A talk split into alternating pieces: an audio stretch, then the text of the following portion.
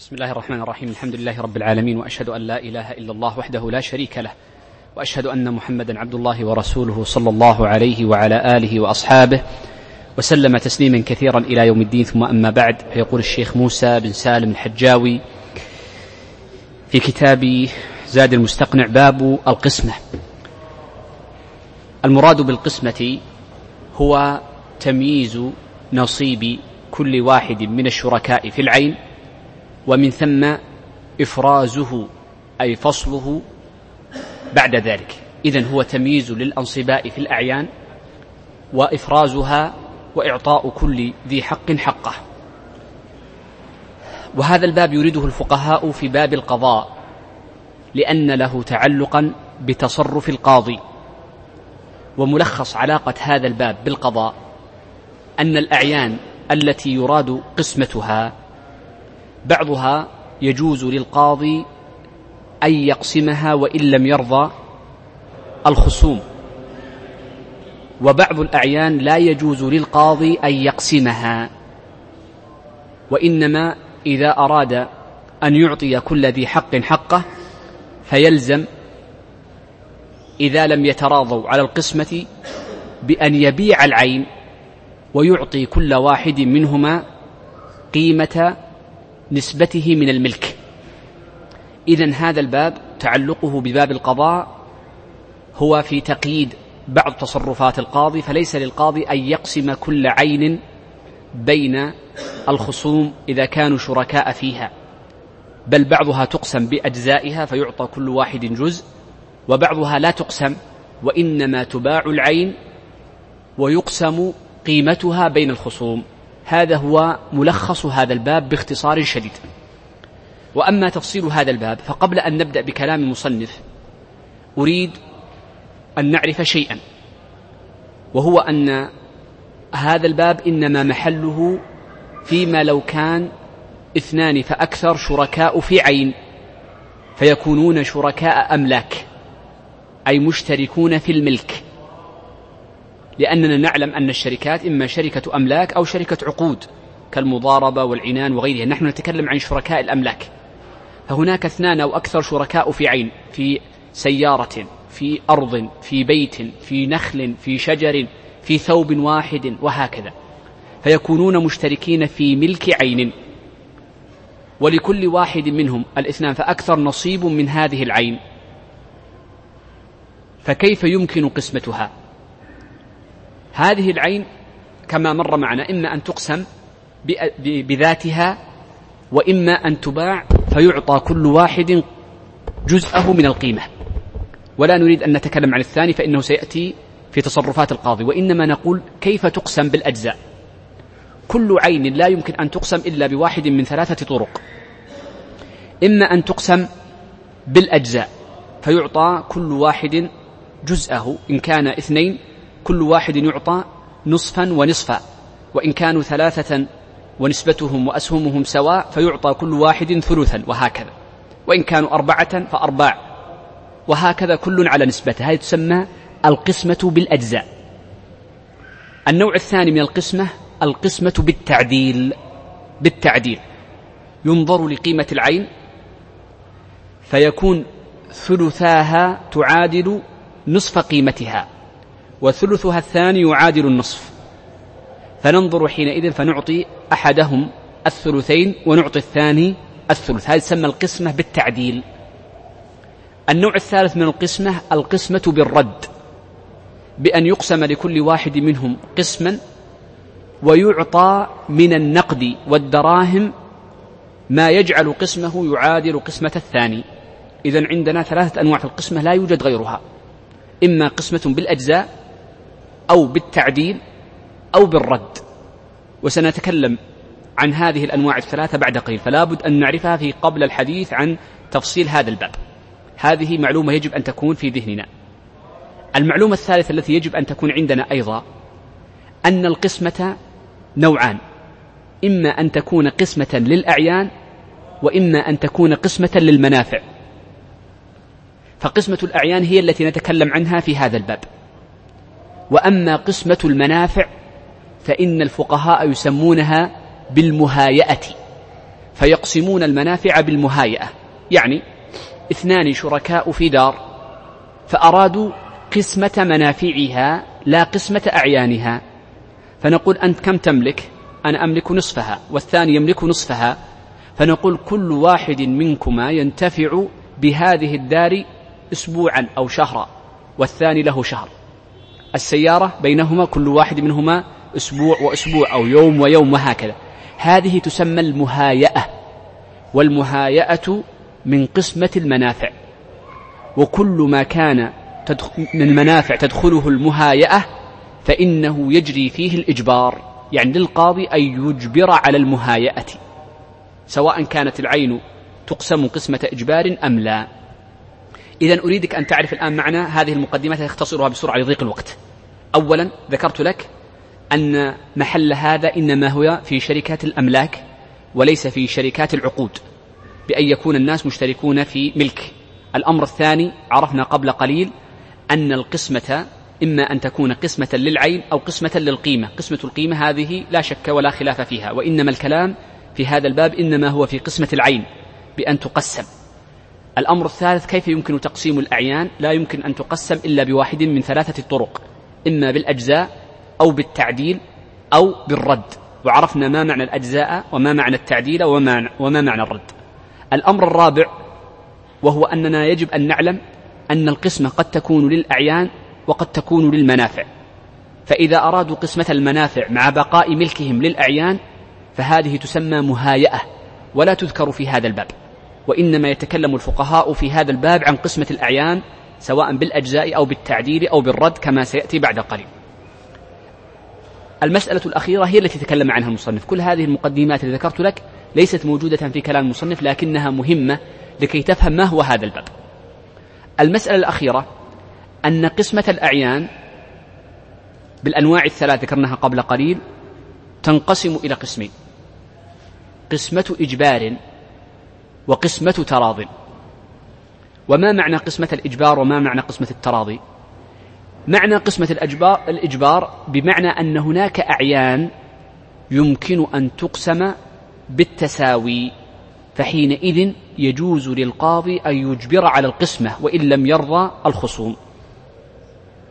وأما قسمة التراضي فإنها ما لا يمكن قسمتها إلا بضرر. نعم قد تكون ممكن تقسيمها بالأثلاث والأنصاف لكن فيها ضررا وفيها رد عوض الذي هو ذكرناه قبل قليل وهو القسمة بالرد. فكل ما كان فيه قسمة بالرد فإنه دائما يكون من التراضي. فإنه لا يجوز للقاضي أن يقسم العين حينئذ. لا يقسمها إجبارا. وإنما القاضي إذا اختلف الخصوم وأرادوا أن وأراد كل واحد منهم أن يطالب بحقه فيقول تقاسموا بتراض منكم وصلح فإن أبوا فإنه يبيع العين ولا يقسمها. هذا هو ملخص الباب. إذا الأعيان نوعان. أعيان يحق للقاضي أن يقسمها فيعطي كل واحد قسمة. وأعيان لا يجوز للقاضي أن يقسمها وإنما يقول تراضوا على قسمتها فيما بينكم فإن لم تتراضوا فإني سأبيع العين وحينئذ يقسم بينكم القيمة. هذا هو ملخص الباب باختصار. طيب. بدأ الشيخ رحمه الله تعالى في أو يعني طيب. آه بدأ الشيخ رحمه الله تعالى عندي مسألة أرجئها بعد فيما يترتب على قضية التفريق بين قسمة الأعيان وقسمة التراضي. سيردها المصنف ولذلك سأؤخر الحديث عنها. بدأ الشيخ رحمه الله تعالى بالحديث عن أول نوعي الأعيان التي لا تقسم إجبارا. وإنما تقسم بالتراضي وهي التي يسميها الفقهاء قسمة التراضي. يقول لا تجوز قسمة الأملاك التي لا تنقسم إلا بضرر أو رد عوض إلا برضا الشركاء. يقول الشيخ إن أول نوع من الأعيان التي لا يجوز للقاضي أن يقسمها ومن باب أولى من كان غير القاضي كالحاكم والمحكم وغيره لا يجوز له أن يقسمها إلا برضا الشركاء فيها الذين يملكون العين. وذلك تسمى هذه القسمة بقسمة التراضي. طيب. قسمة الأملاك يدلنا على أنه إنما القسمة في شركات الأملاك التي ذكرتها في المقدمة كما تعلمون. قال ضابطها ما هي الأعيان التي لا تنقسم إلا بتراضي؟ قال هي التي لا تنقسم إلا بضرر أو رد عوض. هذه المسألة أهم مسألة في هذا القسم بل والقسم الذي بعده تستطيع أن تميز بين العين التي يمكن قسمتها قسمة إجبار والعين التي لا يمكن قسمتها قسمة إجبار وإنما تقسم قسمة تراض بهذا الضابط. وهو أنه إن كان قسمتها فيها ضرر أو فيها رد عوض فإنه حينئذ تكون قسمة تراض. وإن انتفى هذان الوصفان فإنه حينئذ يجوز للقاضي أن يقسمها قسمة إجبار. نبدأ بهذين الضابطين وكل واحد من هذين الضابطين يحتاج إلى شرح. أول ضابط في هذين الضابطين قوله لا تنقسم إلا بضرر. الدليل عليه ما ثبت عن النبي صلى الله عليه وسلم أنه قال لا ضرر ولا ضرار. وهذا إسناده جيد كما قال النووي في الأربعين وكلكم يحفظها. هذا يدل على أنه أن رفع الضرر أن الضرر مرفوع في الشريعة. طيب ما المراد بالضرر هنا؟ عندنا روايتان في المذهب أو نقول عندنا قولان في المذهب. المشهور عند المتأخرين في المذهب أنهم يقولون إن الضرر هو نقص القيمة بالقسمة. فإذا نقصت القيمة بالقسمة فإنه ضرر. ما معنى هذا الشيء؟ لنفرض أن العين التي يراد قسمتها أرض. لنفرض أنها أرض. هذه الأرض مساحتها لنقل مئتا متر. تباع وهي غير وهي غير مقسومة لنقل بمئتي ألف أسهل للقسمة.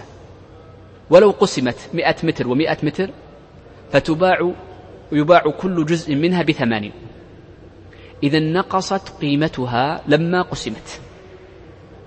إذا مشهور المذهب أن المراد بالضرر هو نقص القيمة بالقسمة. هذا هو مشهور المذهب.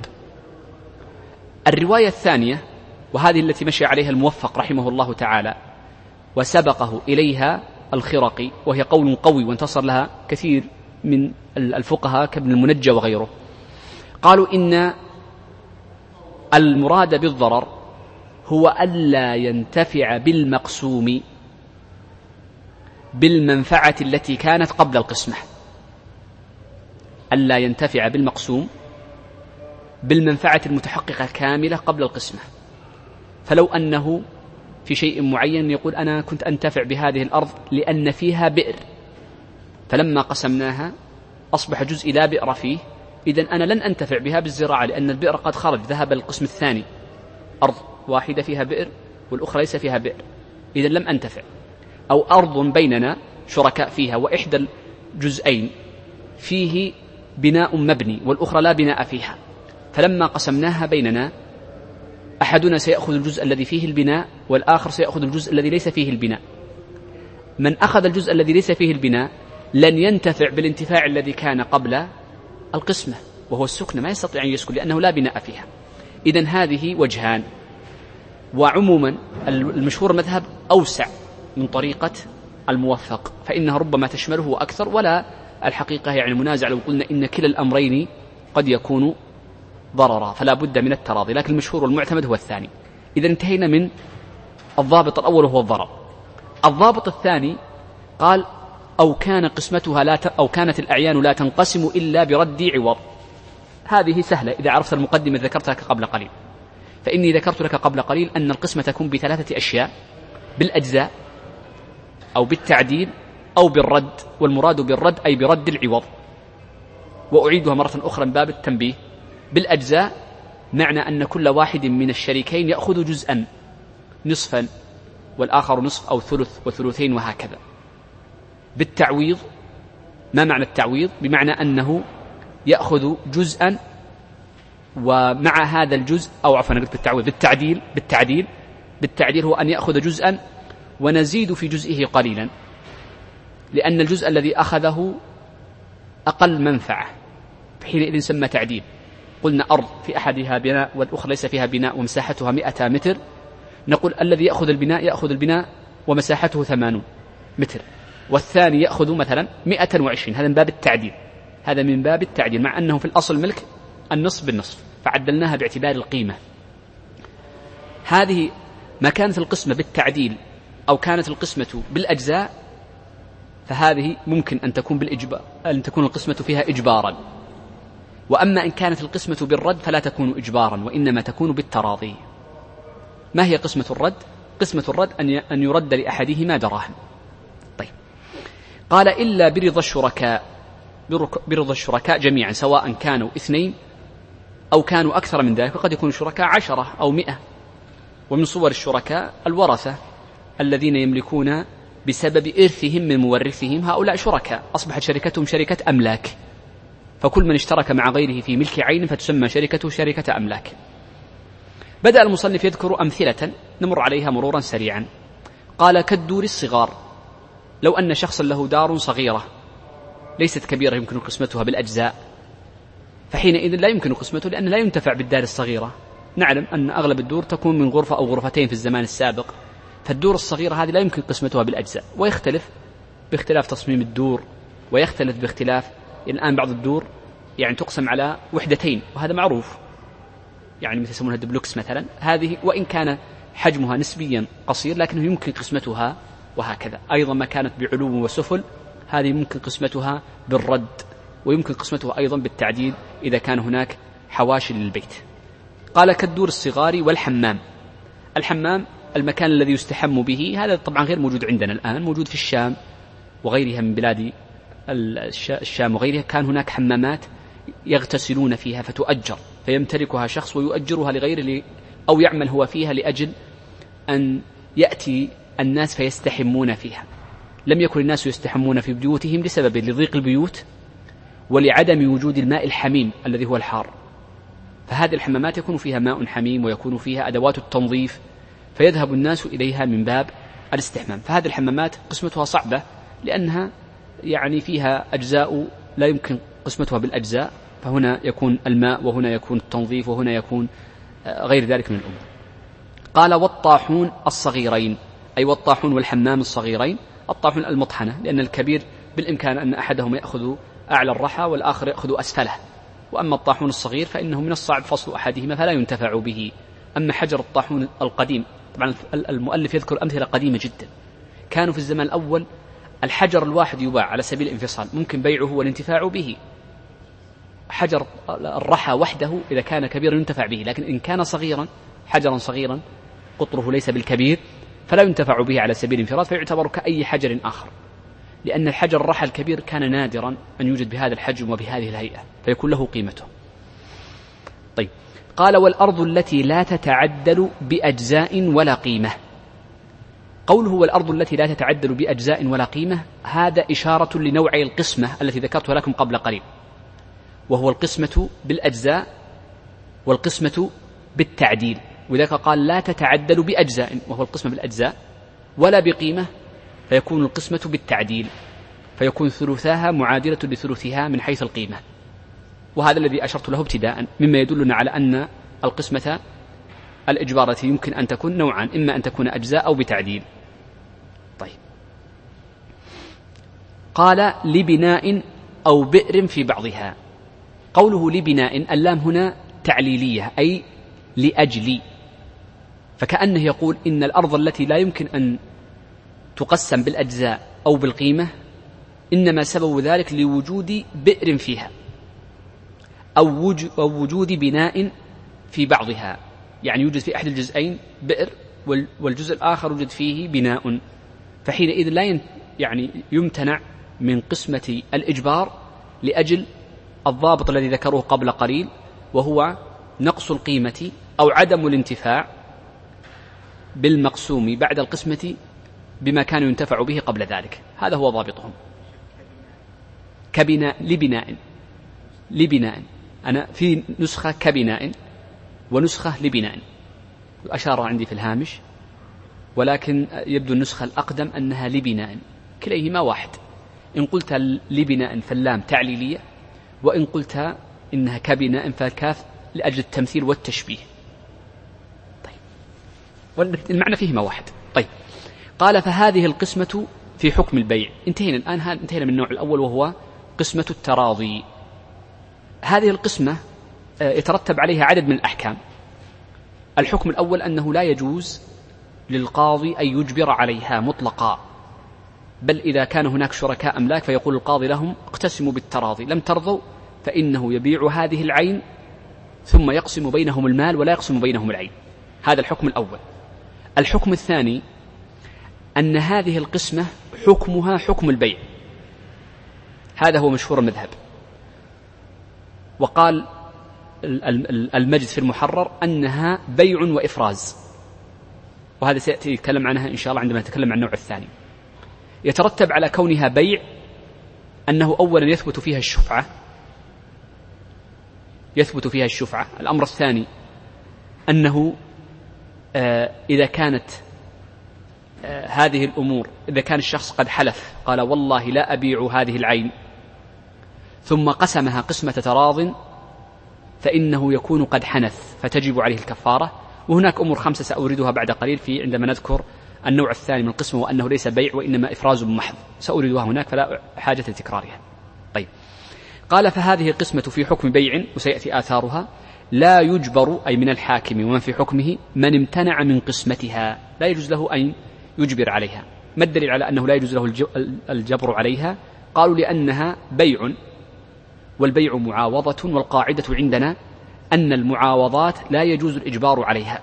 نعم يجوز الإجبار على الفسوخات والمذهب يرى أن الفسخ ليس بيعا وإنما هو إقالة. يجوز يجوز الإجبار على الطلاق يجوز الإجبار في النكاح في ولاية النكاح لأنها ليست عقد معاوضة محضة. أما عقود المعاوضات المحضة فلا يجوز الإجبار عليها. هذه قاعدة مضطردة سواء في البيوع أو في النكاح والطلاق وفي غيرها من الأمور. لا يجوز الإجبار على المعاوضة. لكن الفسخ ليس معاوضة وإنما هو إقالة. بدأ بعد ذلك المصنف رحمه الله تعالى بالنوع الثاني من أنواع القسمة وهو قسمة الإجبار أي التي يجوز للقاضي أن يجبر, أن يجبر عليها. والفقهاء يسمونها قسمة والحقيقة هي مقسومة الأشياء التي تقسم قسمة إجبار. طيب قال وأما ما لا ضرر فيه وعرفنا ضابط الضرر على الروايتين ولا رد عوض في قسمته يعني أنه يمكن قسمتها بالأجزاء أو قسمتها بالتعديل. ولا آه، دون الرد إن امتنعت القسمة بهذين السابقين فيأخذ آه، من كان حظه الرديء الدراهم. قال كالقرية كما لو كانت قرية كاملة ملك اثنين. هذه قرية كبيرة جدا. والبستان أي المزرعة الكبيرة جدا. والدار الكبيرة إذا كانت واسعة جدا. قال والأرض أي الواسعة. والدكاكين أيضا الواسعة. طبعا كل هذا الكلام في الزمان الذي كان يقيس عليه. في زماننا هذا الدكاكين ربما لا يمكن قسمتها قسمة إجبار لأن البلدية تمنع مثلا أن تجعل دكانين في دكان واحد. فالقضية الأعراف وقضية الأزمان تختلف ولذلك دائما الأمثلة في كتب الفقه تتغير بتغير الزمان وعندما نتكلم عن تجديد الفقه وهذه كررتها أكثر من مرة فإن تجديد الفقه يكون بأمور. من الأمور المهمة تغيير الأمثلة. ومن الأمور المهمة قضية الصياغة ربما تغير بعض الجمل وليس كل الصياغة لأن تغيير كل الصياغة يؤدي إلى عدم فهم الكتب القديمة وإنما تغيير بعض الجمل التي تكون مشكلة أو كتبت بناء على لغة معينة في قرون معينة. إضافة إلى قضية الصياغة الكلية هل تبدأ بالمناطات أم تبدأ بالفروع؟ طيب. قال والمكيل والموزون من جنس واحد أي إذا كان الشخص أو اثنان شركاء في مكيل يعني أنا وأنت اشترينا كيس رز هذا مكيل. فنقسمه بيننا كيلا لي نصفه ولك نصفه. والموزون أنا وأنت اشترينا كيلو حديد كيلو ذهب أو طن حديد فلي نصفه ولك نصفه لأنه موزون يباع بالوزن ما يباع بالحبة وإنما يباع بالوزن. فكل مكيل وموزون سواء كان ربويا أو غير ربوي فإنه يمكن قسمته قسمة إجبار. وهنا من باب الاستطراد المكيل إذا بيع وزنا فهل يقسم ويباع وزنا؟ نعم. هذا تحقيق المذهب أنه يجوز بيعه وزنا. طيب. يقول كالأدهان والألبان. ضرب مثل لبعضها. قال كالأدهان مثل الزيوت زيت الزيتون آه، السمن وغيره فيعطى كل واحد نصفه هذا واضحة. والألبان ونحوها من الأمثلة الكثيرة جدا. قال إذا طلب الشريك قسمتها أجبر الآخر عليها. كل من كان شريكا مع غيره في واحد من هذه الأمور السابقة وأراد القسمة إذا طلب أحدهما لابد أن يطلب أحدهما فلا بد لشريكه أن يقسم. إما ابتداء من غير ترافع لقاض فإن ترافع لقاض أو حاكم لا يلزم أن يكون قاضي من له ولاية كالمحتسب في الزمان الأول أو مثلا من غيرهم من المشرف على السوق وغير ذلك من باختلاف يعني أعراف الناس مسمياتهم فإنه يجبرهم على القسمة بينهم بالعدل. قال وهذه القسمة إفراز لا بيع. هذه المسألة فيها عندي جزئيتان. أه تكلم المصنف هنا عن ما الذي يترتب على قسمة الإجبار. يترتب عليها حكمان. الحكم الأول أنه يجبر بها القاضي وذلك قال أجبر الآخر عليها. الأمر الثاني أن هذا العقد قسمة الإجبار ليست بيعا وإنما هي إفراز محض محض. يجب أن تقول محض مراعاة لما ذكره المجد أن تلك بيع وإفراز وهو اختيار الشيخ تقي الدين حفيده. ما الذي يترتب على التفريق بين البيع والإفراز؟ لنذكر أمثلة مسائل مبنية عليها. طبعا لأن لماذا قلت أمثلة؟ لأن ابن المنجى في الممتع ذكر أنه ينبني عليها سبع مسائل. أنا سأورد بعض ما ذكره وسأذكر زيادة عليها. سأذكر يعني انتقاء من كلامه وأزيد عليها بعضها. يترتب عليها مسائل. المسألة الأولى أنه إذا حلف شخص والله لا أبيع هذا الشيء فقسم هذا الشيء قسمة إجبار. أنا وأنت حتى وإن لم يكن بأمر القاضي. وإن لم يكن بأمر القاضي فقسمناه قسمة إجبار فإنه حينئذ لا يحنث. وأما إن كان هذه العين مما لا تقسم قسمة إجبار وإنما قسمة تراضي فتقاسمناه سواء بحكم قاض أو بتراض منا ابتداء فإنه يحنث فيجب عليه الكفارة. هذه مسألة. المسألة الثانية أنه يجوز فيما يقسم قسمة إجبار الخرص. يجوز فيه الخرص. وأما ما كان من باب آه التراضي فلا يلزم فيه الخر فلا يجوز فيه الخرص وذلك فيما كان يباع من الربويات من الربويات. يعني الربويات لما نقول بيع بر ببر أو بيع خلينا نضرب لك مثال. أنا وأنت شركاء في كيسين كيس بر وكيس وكيس رز. شركاء في نوعين منفصلين. أو نقول آه، شركاء مثلا لا هذه ما تجي لأن بالإمكان أن تقسم قسمة إجبار لأن كل واحد منفصل لأن المذهب يتوسع في تفريق الصفقة. خلنا نقول مثلا نحن شركاء في بر مختلط بغيره مختلط بغيره بأشياء أخرى مشوب بأشياء أخرى. وكان هذا المشوب به آه، مما لا يباع كيلا. كان يكون مشوبا مثلا بشيء آخر. لا يمكن قسمته قسمة قسمة إلا بضرر على أحدنا. فحينئذ عندما نقتسمه بيننا قسمة تراض فلا بد من التماثل. ولكن إذا قسم قسمة إجبار فلا يلزم التماثل وإنما يجوز الخرص. الكيس الذي بيننا نقسمه ليس بالدقة وإنما أعطيك تقريبا هذا النصف وأنت هذا النصف. إذا يجوز في قسمة الإفراز وهي قسمة الإجبار الخرص ولا يلزم الدقة في القسم لأنه إفراز وليس بيع لأن لو قلنا إنه بيع يجب التماثل. حتى لو كان فرق لأنه إفراز. يعني مثلا هذا الكيس الذي بيني وبينك يجب أن يقسم قسمة إجبار يجوز يجوز قسمته عفوا يجوز قسمته قسمة إجبار. فلما قل لو قلنا إنه بيع فيجب أن يكال كيلا لأن لو لو كان بيعا للزم التماثل. لكن لما قلنا إنه إفراز محض فيجوز بالنظر كذا بالنظر من باب الخرص شكلهم متماثلين. إذا هذا النصف لك وهذا النصف لك من باب النظر. هذا المنبري الأمر الأول. لو نؤجل يا شيخ عبد العزيز أذنت طيب. الأمر الثاني أنه يجوز التفرق قبل القبض في الربويات. عندنا أنا وأنت شركاء في كيس رز فقسمناه إلى قسمين. أخذت أنت نصيبك ونصيبي أنا قلت لا باخذ بكرة. يجوز ذلك. خلى معك سأخذه غدا. يجوز ذلك. لأننا حكمنا أنه إفراز ولم نحكم أنه بيع.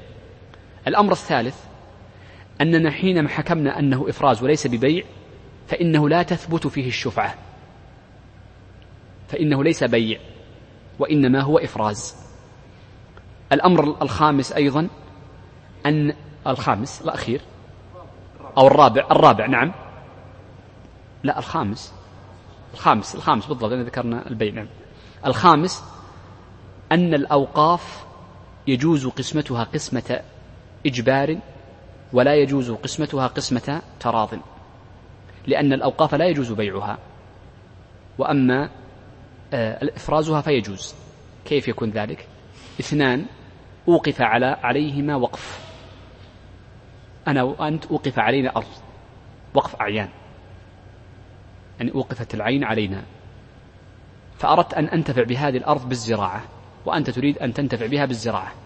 فحينئذ نقسمها بيننا قسمة أعيان قسمة إجبار.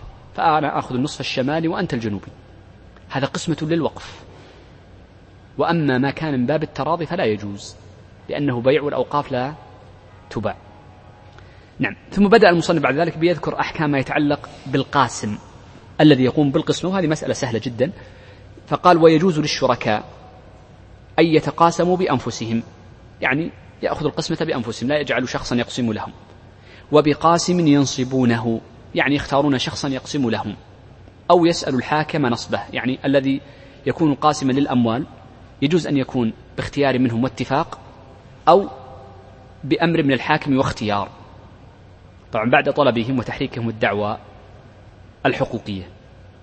هذا القاسم الفقهاء يشترطون فيه شروطا منها أنهم يشترطون أن يكون مسلما.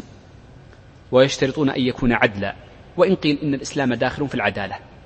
الشرط الثالث لا بد أن يكون خبيرا وعارفا بما يقسمه لأن عدم علمه به يؤدي إلى الخطأ. فالواجب أن يشترط هذا الشرط. طيب. آه انظر معي مسألة. القسمة هل يشترط لها عدد أم لا؟ المذهب يقولون ننظر. فإن كانت القسمة بالأجزاء فيكفي واحد. وإن كانت القسمة بالتقويم أو بالرد فلا بد من اثنين. هذا هو المذهب. إذا لما ذكرت لكم في البداية أن القسم بثلاث أشياء الآن مرت علينا أكثر مسألة مبنية على التفريق بينها. إذا كل ما كان من باب من باب القسمة بالأجزاء فيكفي واحد والثاني وما كان بالتقويم فلا بد من اثنين. هذا مشهور المذهب لأنه يرونه في معنى الحكم. قال الشيخ وأجرته على قدر الأملاك. طبعا إلا أن يتفقوا على أجرة معينة أو جعل. فإن اتفقوا بأن قالوا أجرته على فلان أو علي النصف وعليك النصف مع أن الأملاك تختلف فحينئذ على ما اتفقوا عليه. لكن إن لم يتفقوا فإن أجرته تكون سواء حددت أو بناء على العرف على قدر أملاكه فمن كان ملكه النصف فيأخذ النصف. وهنا قال على قدر الملك لكي ينبهك على أنها على قدر الملك وليست على قدر ما يقسم. فقد يقسم لهم فيعطي أحدهم الثلث والثاني يعطيه الثلثين بناء على التعديل. بناء على التعديل. فلا نقول أنت من أخذت الثلثين تدفع الثلثين وإنما على بناء على ملكك الأول للأجزاء ابتداء. طيب. هنا بس فائدة لغوية. آه هذه الأجرة يسمى لغة ويريدها الفقهاء باسم القسامة بضم القاف. ولذلك إذا قلت لك ما الفرق بين القسامة والقسامة؟ فأجبني. سم شيخ عبد الرحمن. القسامة الأيمان المكررة لإثبات خمسين يمين بصفة معينة لإثبات الجناية. والقسامة أو القسامة هو الأجرة التي يأخذها القاسم. طيب.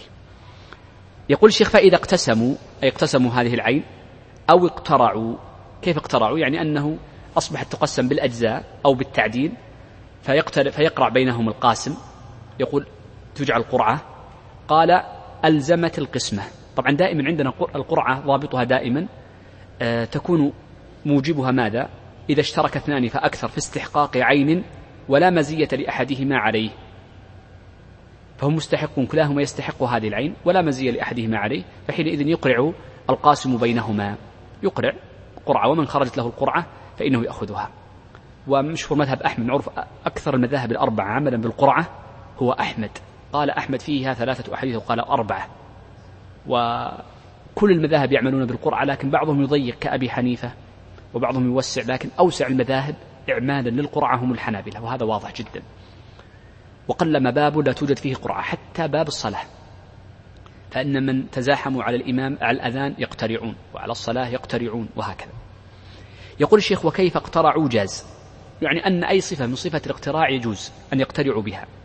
لكن ذكر في المنتهى أن الاحتياط في القرعة أن يكتب أن يكتب القاسم أسماءهم في رقاع ثم يجعل هذه الرقاع في بندق أو طين يعني يجعلها في ورقة مطينة وطين عليها يجعلها مثل كور ثم يجعلها في إناء ونحوه ثم تخلط فيختار منها واحدة. فحينئذ ما خرجت فإنها تسمى هذه قرعته وهو الذي خرجت له القرعة. يعني مثل الآن بدل بندق بدل الطين مثل كريات هذه تكون مفتوحة يعني مجوفة من الداخل. فيقول يجعل اسمه فيها ويغلق الكور ويجعلها أمامهم ثم ينتقي واحدة. هذه عندهم هي الأحوط. فيرى أن هذه صورة القرعة يعني هي التي يكون فيها الأمان العالي. لأن قد تكون لو جعلتها بشيء آخر غير هذه الصورة ربما قد يكون فيها أحدهم يدعي أنك حابيت فلانا دون الآخر طيب. بدأ الشيخ رحمه الله تعالى بعد ذلك بباب الدعاوى والبينات آه، المراد بالدعاوى جمع دعوى جمع دعوى والبينات جمع بينة والدعوة هي أن يضيف الإنسان إلى نفسه شيئا. آه، شيئا بيد غيره أو في ذمته يعني شيء عند غيره فيدعيه لنفسه. إذا لا بد أن يدعي شيئا عند غيره ليس عنده. فلا يدعي الشخص شيئا يملكه ولا يدعي شيئا من باب الإباحة. فلا بد أن يكون في يد غيره أو في ذمة غيره. قد لا يكون له وجود كالمال فهو في الذمة. آه، طبعا والبينات طبعا جمع بينة وهي العلامة الواضحة الظاهرة. لماذا أورد المصنف هذا الباب؟ المصنف أورد هذا الباب لأنه يريد أن يبين أن القاضي لابد أن يعرف المدعي والمدعى عليه ابتداء وإذا قدم المدعي والمدعى عليه بينة فمن تقدم بينته منهما؟ كما إذا تعارضت البينتان وتساقطتا فما الحكم؟ إذا هذا الباب يريد فيه معرفة المدعي من المدعى عليه ويبين فيه أي البينتين التي تقدم أهي بينة المدعي أم بينة المدعى عليه؟ وإذا قدم كل واحد منهما بينته فما الحكم حينئذ؟ فهل نأخذ بالترجيح أم بالتعارض والتساقط؟ أورد المصنف بعض المسائل ولم يطل في هذه المسألة مع أن هذه المسألة من أهم المسائل القضاة وهي مسألة التعارض البينات والترجيح بينها. لأن الحقيقة سأشير بعد قليل لقضية الترجيح والتعارض. يقول الشيخ المدعي بدأ يتكلم المصنف عن المدعي. المدعي هو لو أخذنا الدعوة هو الذي يطلب أو هو الذي يطالب غيره بحق ويذكر استحقاقه له. فلا بد أن يذكر استحقاقه أنه مستحق لهذا الحق فيطلبه مع ذكر أنه مستحق لهذا الحق. والمدعى عليه هو الذي طلب بهذا الحق المستحق الذي يدعي استحقاقه. الفقهاء لهم قواعد كثيرة جدا كيف تفرق بين المدعي والمدعى عليه. لأنه كثيرا قد يأتي أمام القاضي اثنان كلاهما يطالب بعين فكيف تعرف المدعي من المدعى عليه؟ هذه لهم فيها عدد من القواعد. أورد المصنف قاعدة ولن نزيد عليها لضيق الوقت فإنه قال المدعي من إذا سكت ترك والمدعى عليه من إذا سكت لم يترك. يعني أن المدعي إذا سكت فلم يطالب فإنه لا ترفع القضية أمام القاضي ابتداء. كما أن المدعي إذا سكت بعد دخول في الدعوة وتحريك الدعوة سكت ولم يستمر فيها فإنه يترك القضية. إذا فقوله إذا سكت ترك من جهتين ابتداء واستدامة. ابتداء بأنه إذا ما ما حرك الدعوة فإن الحق سيبقى أو العين ستبقى على حالها وعلى ظاهرها واليد التي هي بيده. واستدامة أي إذا بدأ فيها ولم يستمر فيها فإن الحق سيبقى من غير تغيير. بخلاف المدعى عليه فإنه إذا سكت لم يترك. سواء ابتداء أو استدامة ابتداء بأن آه، طالبه ذاك بحقه واستدامة بأن كان غائبا فإنه يحكم عليه فيكون من باب الحكم على الغائب. يقول الشيخ ولا تصح الدعوة والإنكار إلا من جائز التصرف. المراد أولا بجائز التصرف هو البالغ العاقل الرشيد. لابد من هذه القيود الثلاثة. قال لا تصح الدعوة بأن يدعي ابتداء هو ولا يصح الإنكار بأن يكون مدعى عليه فينكر استحقاق ذلك الرجل. طبعا الدعوة فيها ثلاث أشياء فيها ادعاء وفيها إنكار وفيها إقرار. لأن المدعى عليه قد ينكر وقد يقر. قد ينكر وقد يقر. ولم يورد المصنف الإقرار لأنه سيفرد له بابا بعد فصلين أو بعد بعد يعني درس بعد القادم إن شاء الله سنبدأ بالإقرار. إذا أورد المصنف هنا الإنكار والدعوة ولم يرد الإقرار لأنه سيتكلم عن الإقرار والعادة عند أصحاب المختصرات أن لا يكرروا الكلام قدر استطاعتهم قال إلا من جائز التصرف عرفنا من هو جائز التصرف. هناك فقط استثناء واحد يجوز من غير جائز التصرف إقراره وإنكاره وهو إقرار السفيه وإنكاره بما ليس بمال وما ليس في معنى المال. مثل لو أقر السفيه على نفسه بطلاق فإنه حينئذ يثبت الطلاق أو أنكر الطلاق فكذلك. أو أقر على نفسه بما يوجب عقوبة بدنية لا مالية كمن أقر على نفسه بقذف. ونحو ذلك فإنه حينئذ يقبل إقراره ويقبل إنكاره وإن كانت متعلقة بحقوق الآدميين. وأما حقوق الله عز وجل فإن لا يشترط فيها السفه. فالسفه فالسفيه يقبل إقراره مطلقا في حقوق الله جل وعلا. أن السفه متعلقون بالتصرفات المالية. يقول الشيخ وإذا تداعى تداعيا أي المدعي والمدعى عليه عينا بيد أحدهما فهي له مع يمينه إلا أن تكون له بينة فلا يحلف. طيب. عندنا في هذا الكلام مسألتان أريد أن ننتبه لهما. الشيخ هنا الحقيقة أورد صورة واحدة وأغفل صورا.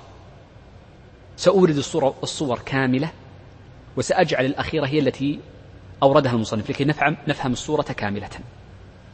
إذا تداعى اثنان أحدهما مدعي والآخر مدعي عليه.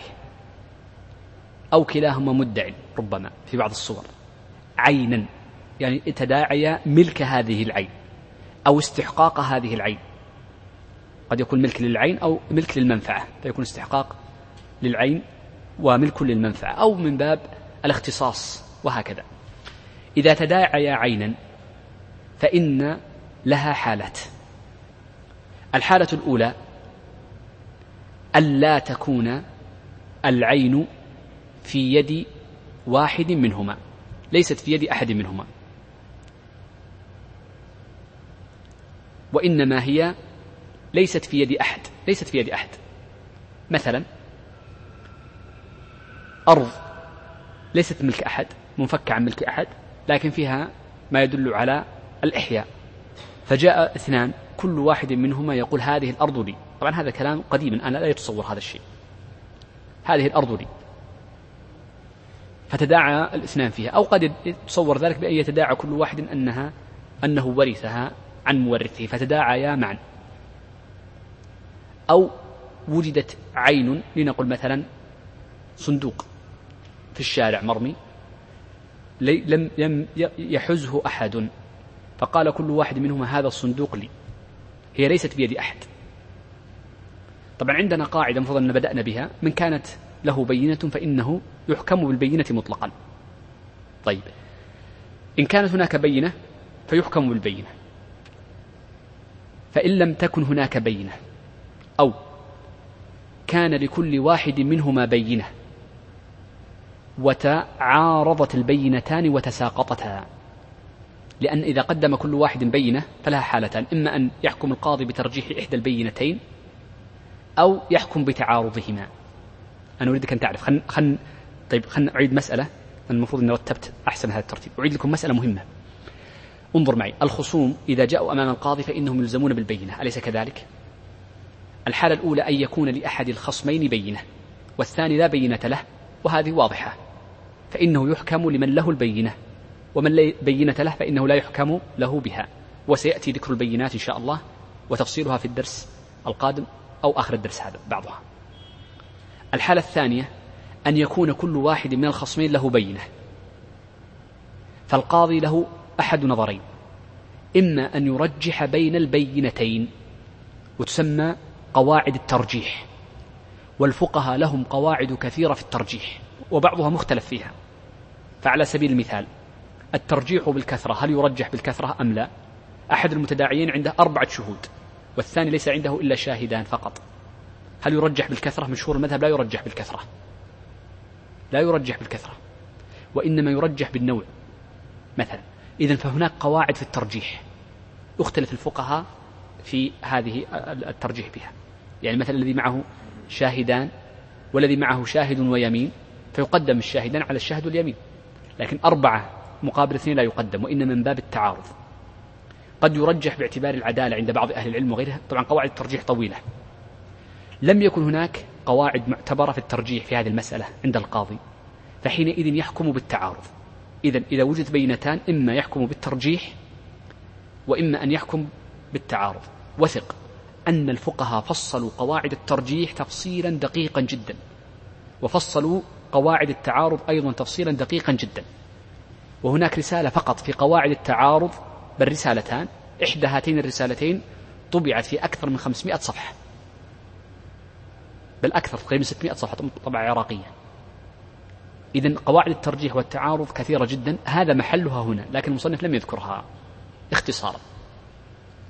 نحن الآن كلامنا إذا وجدت البينة إذا لم توجد البينة سواء لا بينة بين الاثنين أو وجدت بينتان تعارضتا فتساقطتا. لأن إذا تعارضتا تساقطتا فكلا بينة. إذا وضح معي. إذا الحالات الأربع سأورده بعد قليل فيما إذا لم تكن هناك بينة مطلقا أو كانت هناك بينة ولم ترجح إحداهما على الأخرى وإنما تعارضتا فتساقطتا. لأنه عند التعارض تتساقط. وضحت هذا إذا الحالات الأربع سأريدها بعد قليل هي هذه. نبدأ بالحالة الأولى التي أعيدها بعد قليل. أن يتداعى اثنان في عين ولا تكون العين في يد واحد منهما وإنما ليست بيد أحد ليست بيد أحد. ولا يوجد ظاهر يدل على أنها لأحد. فحينئذ يتحالفان كل واحد يحلف. ويتناصفانها سواء كان لكل واحد بينة وتساقطتا أو لا بينة لهم مطلقا. أما لو كان لأحدهما بينة سواء الثاني لا بينة له. أو ترجحت بينته على بينة صاحبه فإن نحكم بالبينة. هذه واضحة. الصورة الثانية. أنا أذكر الصور لكي نعرف من الذي أراده المصنف وإنما هي صورة من أربع. الصورة الثانية. أن يتداعى اثنان عينا. وهذه العين بيد ثالث. بيد شخص ثالث. بيد هذا الكأس فتداعى زيد وعمر في هذا الكأس. فإن كانت لا بينة لهما أو لهما بينتان متساقطتان فلها حالات. الحالة الأولى إذا ادعاها هذا الثالث لنفسه فإنها له لأن البينتين تساقطتا وهو بيده يد واليد دلالة على الظاهر فيأخذها بعد أن يحلف. فإن نكل هذه فيها تفصيل آخر ليس هذا محله لأن إذا نكل يترتب عليها حكم طويل. الحالة الثانية إذا أقر بها لهما معا قال نعم هي لزيد وعمر. فحينئذ يقتسمانها بينهما.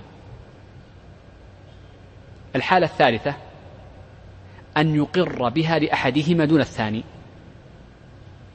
فإنه حينئذ تكون لمن أقر بها له فيأخذها من أقرت له لكن بشرط أن يحلف لأن البين هنا يعتبر بمثابة الشاهد من هي بيده بمثابة الشاهد وإنما يحكم بشاهد مع يمين.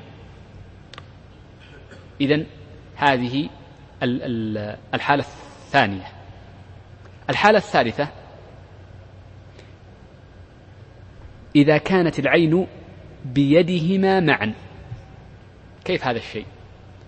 جاء المتداعيان أمام القاضي وكل منهما قابض على هذه العين من طرف. كل واحد ماسكها من جهة. طبعا وأطال الفقهاء كيف يكون أن تكون بأيديهما معا؟ بل قالوا لو كان أحدهما لابس لقميص.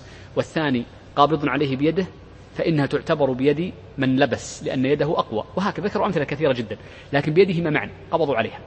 أو شاهدت البينة أنها تحت يدهما جميعا خارج مجلس التقاضي لو كانت بيدهما معا قلنا إن كان هناك بينة يحكم بالبينة لا شك. فإن لم تكن هناك بينة أو تعارضت البينتان فإنهما يحلفان معا كلاهما ويتقاسمانها. إذن هذه ثلاث صور. الصورة الرابعة هي التي أوردها المصنف فقط وإذا ذكرناها أنهينا هذا الباب. ما هي الصورة الرابعة؟ أن تكون العين بيد أحدهما. ولا بينة فلمن تكون أو هناك بينة فتساقطتها. انظر معي. إذن هذا المحل هنا الذي أورده المصنف إنما هي الصورة الرابعة وهي أن يتداعيا عينا وتكون هذه العين بيد أحدهما الذي يمد عليه غالبا. طيب. يقول وإن تداعيا عينا بيد أحدهما فهي له مع يمينه. طبعا بلا بينة فإنها تكون له مع يمينه. إذا إذا لها حالتان. الحالة الأولى ألا تكون هناك بينة. فحينئذ فإنها تكون للمدعي لمن هي بيد فتك يعني هذه الحالة نقول لها حالتان إما أن تكون لا بينة أو بينتان متعارضتان. طيب؟ أنا ما أحب أكثر التقسيم لأنه لخبطكم أكثر لكن لابد أن نقسم لأن هذه لأن هذه الصورة هي الوحيدة التي يختلف فيها الحكم في تعارض البينتين عن حكم ما لا بينة بينهما. طيب. إذا لم تكن هناك بينة من الاثنين جميعا فحينئذ تكون العين لمن بيده هي لمن بيده العين. وهذا معنى قوله فإن تداعيا عينا بيد أحدهما فهي له مع يمينه. إلا أن تكون له بينة فلا يحلف هذا تحصيل حاصل لأنه دائما لمن له البينة. قال فإن أقام كل واحد بينة أنها له قضي للخارج ببينته ولغت بينة الداخل. ما معنى هذا الكلام؟ أعيده بلغة سهلة. انظروا معي. الصورة الرابعة ما هي؟ ذكروني إياها. الصورة الرابعة. أن يدعي عينا بيد أحدهما فنقول لها حالتان. الحالة الأولى أن لا تكون لهما بينة كلا الاثنين. فحينئذ نحكم بالعين لمن هي بيده مع يمينه. إلا أن تكون له بينة فلا يمين وهذا تحصيل حاصل. الحالة الثانية أن يأتي كل واحد منهما ببينة ولا ترجيح بينهما وإنما تساقطتا تعارضتا فتساقطتا. فحينئذ لا نحكم بالعين لمن هي بيده وإنما نحكم بالعين للخارج لا للداخل. ومن هو الخارج؟ الخارج هو المدعي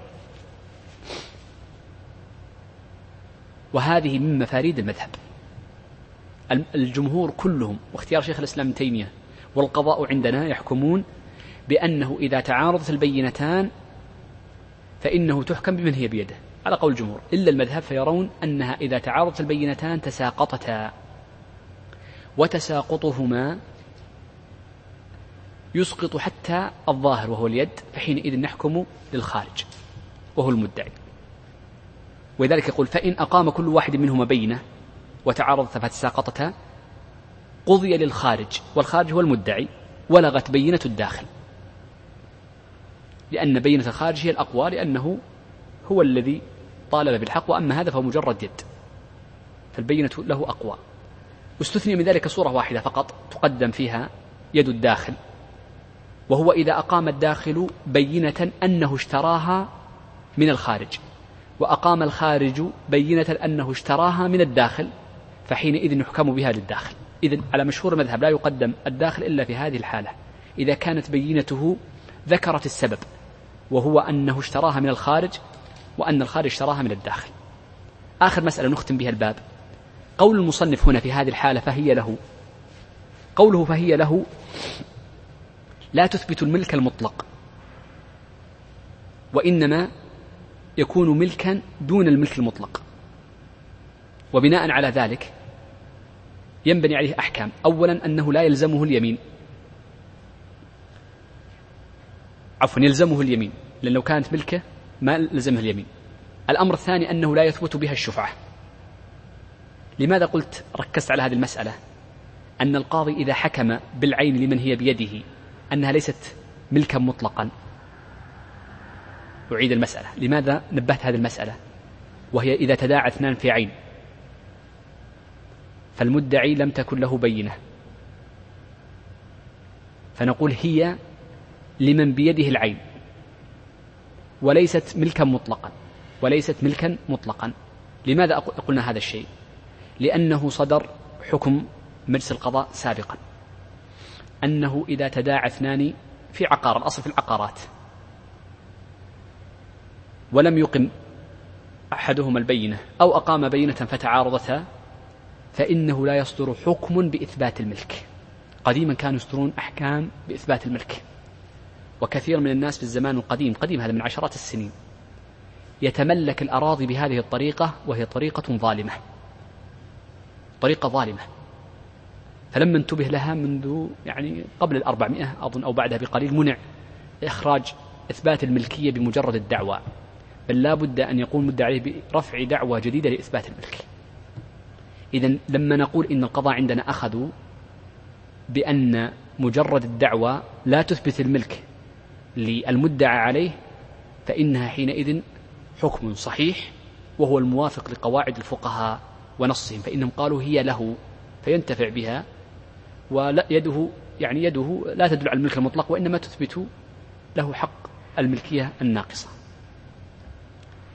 أنا ذكرت هذا لأجل هذه المسألة القضائية المهمة عندنا. أه، بعد ذلك في عشر دقائق فقط سريعا إن شاء الله سأمر بسرعة على قضية كتاب الشهادات لأن نريد أن ننتهي بعد درسين ننتهي من كتابنا فاعذروني إن أخذت منكم عشر دقائق في درس اليوم زيادة. بدأ المصنف يتكلم رحمه الله تعالى عن كتاب الشهادات. أه، والشهادات واضحة هي جمع شهادة وهي مصدر بمعنى مفعول إنما هو مشهود وليس شهادة وإنما هو المشهود. أه، الشهادة تطلق على أمرين على التحمل والأداء. التحمل هو أن يتحملها ابتداء والأداء هو أن يؤديها أمام القاضي ومن طلب عنده. وقد تكلم المصنف هنا عن التحمل والأداء معا. فيقول الشيخ رحمه الله تعالى تحمل الشهادة. معنى تحمل الشهادة أن يحضر وقت العقد. فيحضر العقد ويتحمل الشهادة. قال وتحمل الشهادة في غير حق الله فرض كفاية. ليس فرضا واجبا ليس واجبا على الأعيان لقول الله عز وجل ولا يأبى الشهداء إذا ما دعوا. فحينئذ يجب عليهم على وجوب الكفاء. قال فإن لم يوجد إلا من يكفي تعين عليه. يعني إن لم يوجد إلا اثنان رجلان أو لم يوجد إلا رجل وامرأتان فيجب عليهما أن يحضر الكتابة بشرط أن يحضر الشهادة بشرط أن تكون العقد مما يجب الإشهاد عليه أو يخشى عليه الضرر. ما معنى هذا الشيء؟ العقود نوعان عقود يجب الإشهاد عليها وهو عقد النكاح على مشهور المذهب فقط. وعلى الرواية الثانية عقد النكاح وعقد الرجعة. لأن المذهب لا يرون الرجعة عقد هذا تكلمنا عنه في باب الرجعة. وأما ما سواها من العقود فالإشهاد مندوب إليه. فإذا كان الفعل مندوبا إليه فحينئذ فإن تحمله يكون مندوبا إليه إلا إذا كان العقد واجبا كالنكاح أو خشي ضياع الحق. فمن باب النظر المآلات فإنه يكون واجبا حين ذاك. ثم قال الشيخ وأداؤها أي أداء الشهادة فرض عين. هذا هو المشهور عند المتأخرين أنها فرض عين. فكل من تحمل الشهادة فيجب عليه أن يؤديها. فرض عين على من تحملها أي من تحمل الشهادة. هذا هو مشهور المذهب. واختار بعض المتأخرين مثل الشيخ الشويكي وغيره أنها فرض كفاية. فإذا تحمل الشهادة أربعة فقام اثنان بأدائها سقط الوجوب عن الباقيين. وهذا كلام متجه جدا ولذلك قال الشويكي وهو أظهر. والظاهر أنها أخذها من كلام صاحب التنقيح. آه، طبعا والدليل على أنها فرض عين آه، قول الله عز وجل ولا يأبى الشهداء إذا ما دعوا الأصل أن هذه الآية إنما هي في الأداء لا في التحمل. وأن الله عز وجل نهى عن كتمان الشهادة قال ولا تكتموا الشهادة يقول الشيخ متى دعي إليها؟ أي أن العينية إنما تجب إذا دعي إليها. وهذا يدلنا على أن الأصل أنه لا تسمع الشهادة إلا بعد الطلب ويكون الطلب من صاحب الحق. هذا هو الأصل. هناك استثناءات قليلة جدا تكلم عنها الفقهاء تعد عدا على أصابع اليد أنه يجوز أداء الشهادة من غير طلب صاحب الحق منها على تحقيق المذهب وانتصر له الشيخ تقي الدين فيما لو خشي ضياع الشهادة. شخص عنده شهادة ويعلم أنه كبير في السن وصاحب الحق ما طلبها فيكتب للقاضي أو يريد إثبات هذا الحق. وهذه على التحقيق أنها تجوز. قال بلا ضرر في بدنه أو عرضه أو ماله أو أهله. وكذا في التحمل أي لا يشترط آه، يشترط عدم وجود الضرر وهذا واضح. طبعا الضرر الذي يلحقه طبعا في هذه الأمور كلها. قال ولا يحل كتمانها لقول الله عز وجل ولا تكتموا الشهادة قال ولا ولا أن يشهد إلا بما يعلمه لأن الأصل أن الشخص لا يجوز له أن يشهد بالظن بل بالعلم. وسيذكر بعد قليل الشيخ بما يتحقق العلم. ويعني كما ذكر الله عز وجل قال في في خبرهم قال وما شهدنا إلا بما علمنا. فهذا هو الأصل. وقد روينا عند ابن عدي في الكامل وإن كان هذا الإسناد لا يصح. والأصل أن من فرد به صاحب الكامل أنه شديد الضعف والوهاء أن النبي صلى الله عليه وسلم قال على مثل هذه فاشهد. وأشار إلى الشمس. ولكنه يدل على عموم أنه الإنسان لا يجوز له أن يشهد بالظن وإنما بالعلم. قال ولا يشهد إلا بما يعلمه برؤية أو سماع. بدأ يتكلم المصنف عما يتحقق به تحمل الشهادة. تحمل الشهادة يتحقق بأربعة أشياء. أورد المصنف ثلاثة ولم يورد الرابع لأنه نادر وسأورده بعد قليل. بدأ بالأول وهو الرؤية. فتتحمل فتتحمل الشهادة بالرؤية فلا يجوز أن يشهد إلا بما رأى. وقال فقهاؤنا والرؤية تتعلق بالأفعال أو بالصفات. بالأفعال مثل ماذا؟ أن يشهد أن فلانا قتل فلانا أو أن فلانا سرق المال الفلاني. الأمر الثاني بالصفات أن يقول آه فلان باع الدار التي هيئتها كذا وصفتها كذا بأن يكون الشاهد قد رأى الدار بعينه إذا كان حاضر مجلس الشهادة. إذن الرؤية متعلقة بهذين الاثنين فقط. قال أو سماع. السماع يتعلق بكل شيء مما يكون قد حضره في المجلس سواء سمع بإقرار أو سمع بصفة ذكرت في المجلس. الأمر الثالث الذي لم يذكره ما يعلم بغير هاتين الحاستين فقد يعلم بالذوق وقد يعلم باللمس وقد يعلم بالشم. نعم في بعض الصفات. لم يذكرها المصنف قالوا لأنها نادرة نادرة. وهناك قاعدة دائما ننبه عليها أنهم يقولون النادر لا حكم له. هذه القاعدة تستخدم استخدامين. فقولهم لا حكم له أحيانا أي لا حكم له منفرد وأحيانا لا حكم له أي لا حكم له متابع لجنسه. وحينئذ نقول قولهم لا حكم له هل حكمه حكم جنسه أم حكمه حكم نوعه؟ حينما حينما قلنا هنا إن النادر وهو الذوق لا حكم له أي لا حكم له منفصل. فحكمه حكم أصله. طيب. إذا هذه الأمور الثلاثة. قال أو استفاضة. هذا الأمر الرابع الذي يتحصل به التحمل الاستفاضة. وبعضهم يدخله في السمع. الاستفاضة ما هي؟ الاستفاضة هو أن يشتهر شيء عند الناس ويتسامعون به. فحينئذ يسمع من الناس شيئا. ما الفرق بين السماع والاستفاضة؟ السماع هو أن يسمع من المشهود عليه مباشرة. وأما الاستفاضة فهو أن يسمع من الناس عن المشهود عليه. هذا هو الفرق بين الثنتين. يعني سماع بالواسطة. طيب ما هو شرط الاستفاضة؟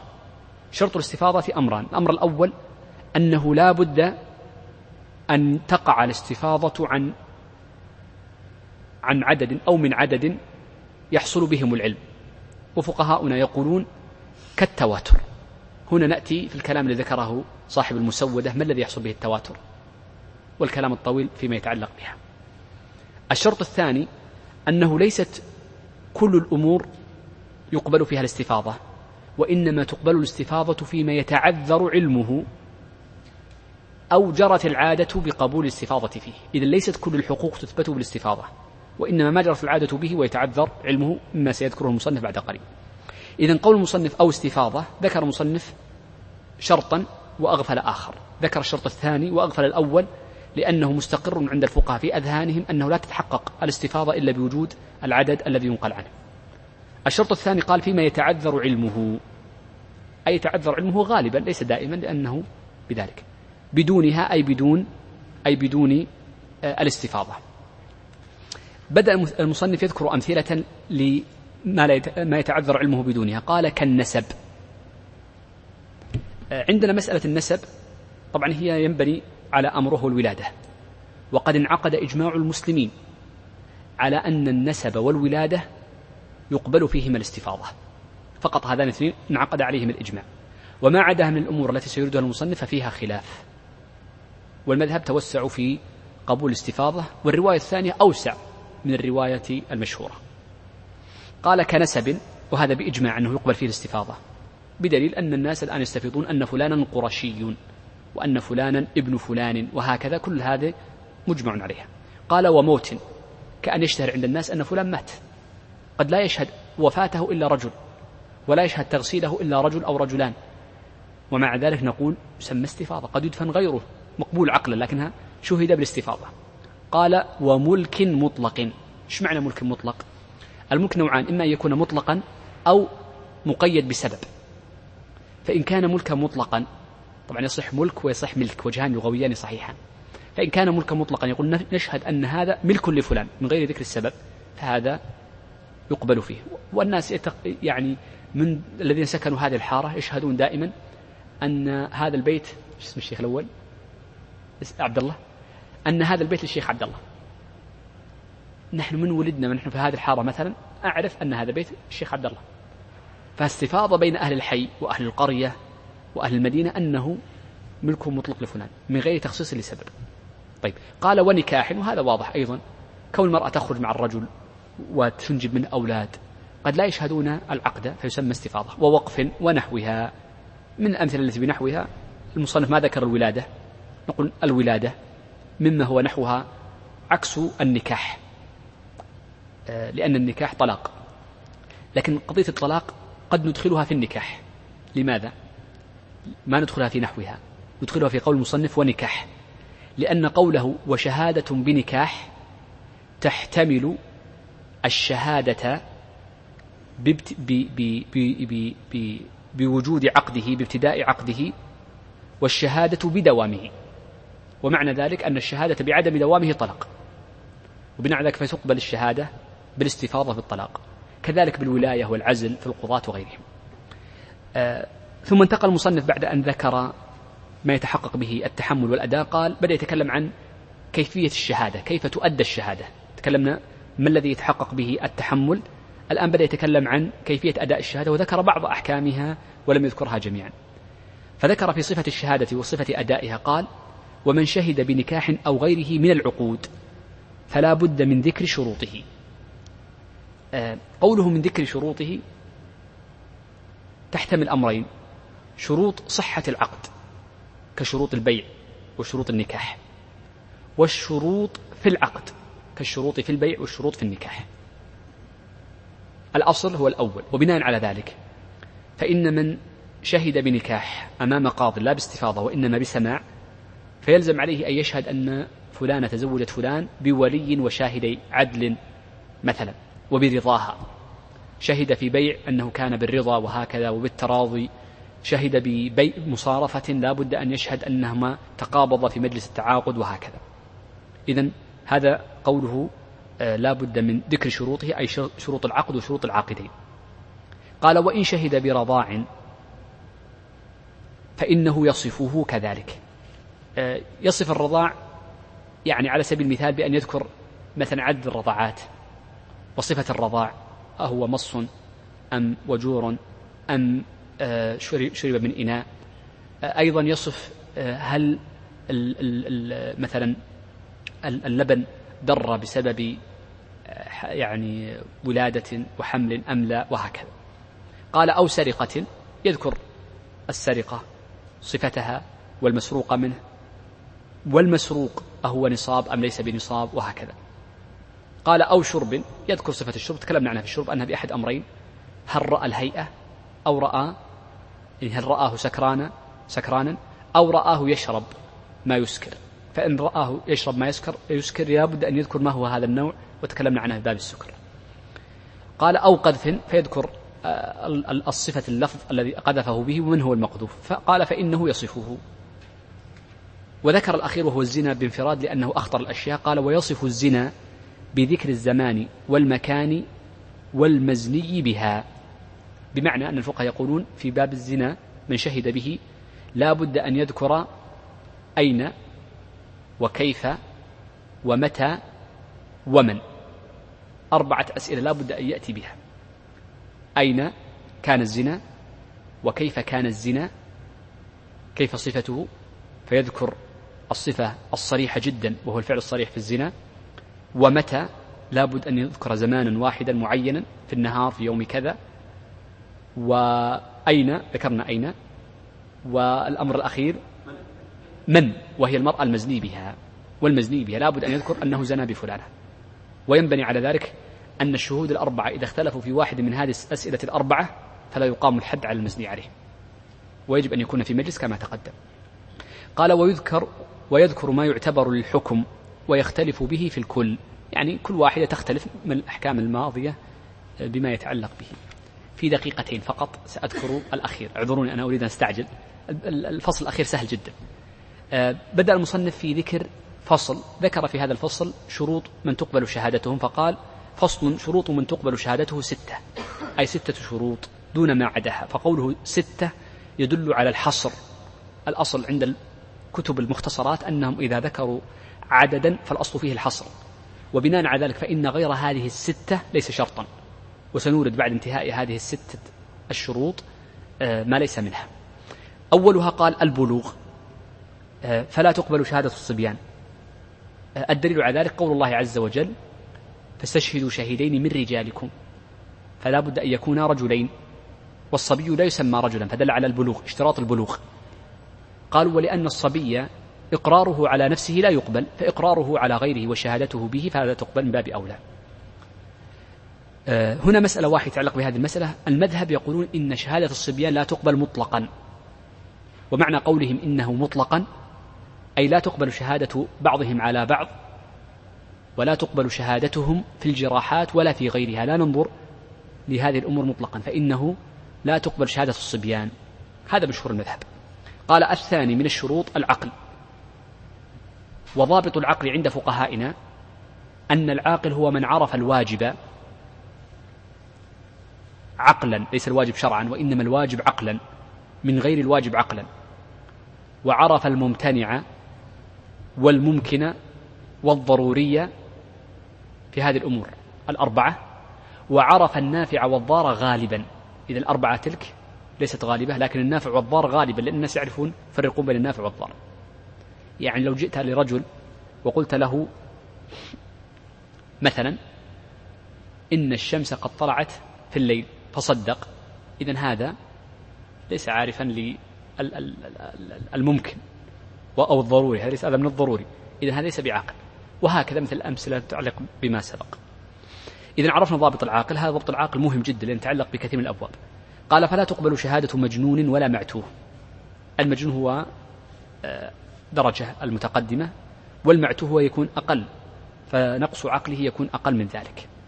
قال وتقبل ممن يخنق أحيانا في حال إفاقته أي إذا تحمل وأدى الشهادة في حال إفاقته. قال الثالث الكلام فلا تقبل شهادة الأخرس ولو فهمت إشارته. ما السبب؟ قالوا لأن الأخرس الأصل آه، لا يستطيع أن يفصح عما رأى وعما سمع على سبيل التفصيل لذلك لا تقبل إشارته ولو كانت مفهومة. ولأنهم يقولون إن الإشارة ليست كلاما وإنما الإشارة فعل وليست واضحة. والإشارة لا تقبل من الناطق مع أنه يمكن أن يصحح كلامه فلا تقبل من الأخرس كذلك. هذا هو دليلهم لا تقبل الإشارة. استثني من ذلك صورة واحدة قالوا إلا إذا أداها بخطه فإنها تقبل لأنها تكون واضحة. ومن أوسع المذاهب للفائدة في قبول الخط هم الحنابلة. ولذلك ألف ابن مفلح رسالة في قبول الخط. والآن عمل الناس كلهم على قبول الخط. ولذلك قلت لكم أن مذهب أحمد يعني وسيع في كثير من الجزئيات. حتى أن بعض بعض المالكي الشافعي الحنفية يرون أن الخط لا يقبل مطلقا. فجاء بعض المتأخرين. طبعا هم نقلوا عن الشمس الرملي. لأن الرملي اثنان. عفوا الشمس الرملي شافعي وإنما خير الدين الرملي وهو الحنفي صاحب الفتاوى. قال يعني شدد في قضية القبول فجاء بعض المتأخرين فقال هذا القول قد هجر في زماننا قالها قبل نحو مئة سنة. آه، قال الرابع الإسلام فالإسلام فغير المسلم لا يقبل على مشهور المذهب وعبرت بالمشهور لأن فيه خلاف سأشير له بعد قليل. يستثنون من ذلك صورة واحدة وهي شهادة أهل الكتاب القيد الأول أن يكونوا أهل كتاب. الأمر الثاني أن يكونوا رجالا فلا تقبل شهادة النساء وهو شهادة أهل الكتاب الرجال لابد أن يكون اثنين أيضا وأن تكون تحمل الشهادة في سفر وعلى وصية وأن يكون المشهود عليه قد حضره الموت. هذه خمسة شروط. الشرط السادس أنه عند الأداء أو عفوا هناك شرط أيضا سادس حال التحمل ألا يوجد مسلم عند فقد المسلم أو آخران من غيركم. أي إذا لم يوجد مسلم. إذا هذه ستة شروط أعيدها بسرعة عند التحمل. أن يكون من أهل الكتاب. وأن يكون رجلين وأن يكون مسلمين وأن تكون الشهادة حال التحمل في سفر وأن تكون على وصية حال الاحتضار وعند عدم وجود المسلم. وهناك شرط سابع بعدها أنه عند الأداء لا بد أن يستحلفوا بعد تحليفهم فلا بد أن يحلفوا بعد صلاة العصر. تحبسونهما من بعد الصلاة. فيقسمان بالله لشهادتنا نعم. نعم. آه طبعا هذا هو مشهور مذهب. الرواية الثانية اختيار شيخ الإسلام تيمية. شيخ الإسلام يرى أنه يجوز قبول شهادة غير المسلم فيما ليس في أمور الدين كالأنكحة وغيرها فيها جانب التعلق الدين والتعبد. فيجوز قبول شهادته عند الحاجة. أي إذا لم يكن قد حضر التحمل إلا هو. فحينئذ يقول يجوز قبول شهادته لأن حفظ الحقوق قد لا يصل إلا بذلك. وهذا مبني على أصل الشيخ أنه توسع في البينات. والحقيقة أن كثير من القضايا وخاصة في الحقوقيات طبعا غير الحدود لا تثبت بشهادة غير المسلم آه الآن كثير من القضاة يعمل على هذا. قد تثبت الحقوق المالية بشهادة غير المسلم. بل هو الذي عليه العمل تقريبا. الشرط السادس لكي نختم السادس والسابع ثم ننتهي. قال السادس أو الخامس نعم الحفظ. آه وبناء على ذلك فمن ليس حافظا وهو المغفل أو الذي يكثر غلطه أو يكثر سهوه أو يكثر نسيانه على تحقيق المذهب. هذه الرابعة فيها خلاف ولكن تحقيق المذهب أن كثرة النسيان تعتبر تركا للحفظ وإن كان أغلب المتأخر لا يذكرها. السادسة قال العدالة. قال ويعتبر لها شيئان وتكلمت عنها في الدرس الماضي ولكن أمر عليها بسرعة. طبعا شرط العدالة قول الله عز وجل يا أيها الذين آمنوا إن جاءكم فاسق بنبأ فتبينوا فدل على أنها ترد. قال ويعتبر لها شيئان الأول الصلاح في الدين. قال وهو أداء الفرائض بسننها الراتبة. قوله أداء الفرائض لأن ترك الفرائض هذا إخلال في الدين ويتعلق به ما يتعلق بالفسق بل قد يصل للكفر كما مر معنا في كتاب الصلاة. قوله بسننها الراتبة المراد بالسنن الراتبة العشر التي سبق الحديث عنها. والمراد بأن من ترك السنن الراتبة أنه لا تقبل شهادته قالوا هو الذي تركها بالكلية بخلاف الفرائض. فإنه لا يلزم تركها بالكلية وإنما تركها أحيانا ترد شهادته. وأما السنن الرواتب فهو الذي يتركها بالكلية. دليل ذلك ما جاء عن بعض السلف كابن عمر ونص عليه أحمد أن الذي يترك السنن الرواتب بالكلية رجل سوء فلا تقبل شهادته. والسبب في ذلك قالوا لأن الفرائض كالحاجز وغالبا الذي يترك سنن الرواتب. أن السنن الرواتب كالحاجز للفرائض. وبناء عليه فإنه غالبا فإن الذي يترك السنن الرواتب لا بد في لحظة من اللحظات أن يترك الفرائض. فإن لكل عمل شرة ولكل شرة فترة. فمن ترك الفرائض في حال إقباله ففي حال إدباره لا بد أن يترك الفرائض. فهو من باب المظنة. قال واجتناب المحارم بأن لا يأتي كبيرة. مشهور المذهب عند أصحابنا أن الكبيرة هي كل ما فيه حد في الدنيا أو جاء النص بعقوبة له خاصة في الآخرة. وقد تتبع الشيخ موسى مؤلف الكتاب الكبائر فجمعها في منظومة اسمها منظومة الكبائر وهي مطبوعة وقد شرحها السفاريني وهذه المنظومة ينقلون عنها كثيرا. قال ولا يدمن على صغيرة لأن الإدمان على الصغائر يرفعها إلى كبير. قال ولا تقبل شهادة فاسق. يشمل ذلك الفاسق بفعل الكبيرة أو بفعل الصغيرة أو الفاسق بالاعتقاد أو بالفعل. هذا بالفعل ذكره المصنف أو الفسق بالاعتقاد كأهل البدع ونحوهم. وقد أطال العلماء عن هذه المسألة. قال والثاني استعمال المروءة بألا يفعل شيئا يخل بالمروءة. قال وهو فعل ما يجمله ويزينه واجتناب ما يدنسه ويشينه. طبعا لا بد أن نذكر قيدا وهو عادة لأن هذه الأمور ضابطها العادة لأن الفقهاء قديما كانوا يذكرون أمثلة قد لا تصلح في زماننا. وأضرب لك بعض الأمثلة التي أوردها الفقهاء في الزمن الأول لا تقبل عندنا الآن. فمن ذلك ما ذكره بعض المتأخرين مثل ابن عبدوس. لماذا قلت المتأخرين؟ لأن عند الحنابلة ابن ابن عبدوس اثنان. وإذا أطلق صاحب التذكرة قال صاحب المرداوي في الإنصاف قال وهو المتأخر فيما أظن. أي المتأخر منه لذلك نقول من المتأخرين ابن عبدوس المتأخر. وله يعني كتاب هذا معتمد التذكرة من الأمثلة ذكرها ابن عبدوس قال إن الرجل إذا مد رجليه في مجامع الناس وطال مده لهما فإن ذلك خرم في مروءته. قال أو كشف رأسه في مجامع الناس وطال كشفه ليس ليحك رأسه أو شيء معتاد يسير لحاجة وهكذا فإنه حينئذ تنخرم مروءته. ولو طبقنا ذلك لوجدنا أن أكثر الناس يفعل هذا. المساجد نصف الناس يمدون رجولهم الآن حتى من غير حاجة. ذكروا قديما من مما يخرم المروءة قالوا الشاعر الذي يفرط في المدح إذا أعطي وقد يذم إذا لم يعطى. وأظن أغلب الشعراء لا ترد لا تقبل شهادتهم على هذا على هذا الضابط. قالوا كل شاعر تشبب بامرأة معينة باسمها فإنه لا تقبل شهادته كذلك. أيضا ذكروا أنه من لعب بشطرنج غير مقلد في إباحته فإنه آه، يعني يكون حينئذ ترد شهادته. آه، الذي يقلد طبعا الشطرنج تعرفون أن فيها خلاف بين بعض أهل العلم ومشهور المذهب بل هو قول الجمهور أنه لا يجوز لعبه أو اللعب به وألف بعض المتأخرين مثل ابن أظن ابن السبكي أظن آه، رسالة في جوازه. أيضا من الأمثلة ذكروها يعني قالوا أيضا من يلعب بالنرد. الذي يلعب بالنرد الآن أغلب الناس يلعبون بالنرد. ألعاب الأطفال كلهم يا شيخ يلعبون الآن بالنرد وما في حكم النرد. سمي شيخنا؟ أو نعم أيضا أيضا ذكروا أن الذي يأكل في مجامع الناس. بل ذكروا أيضا إضافة للأكل قالوا الذي ينوم بين ينوم بين الجالسين. ينوم بين الجالسين. لو جلس في في مجلس ونام بينهم هذا خوارم المروءة يجلس في أحد الديواني في الديوانية وينام هذه مشكلة. إذا أمثلة كثيرة جدا آه، زي ما تفضلتم قبل قليل. آه، وذاك ضابطها العادة.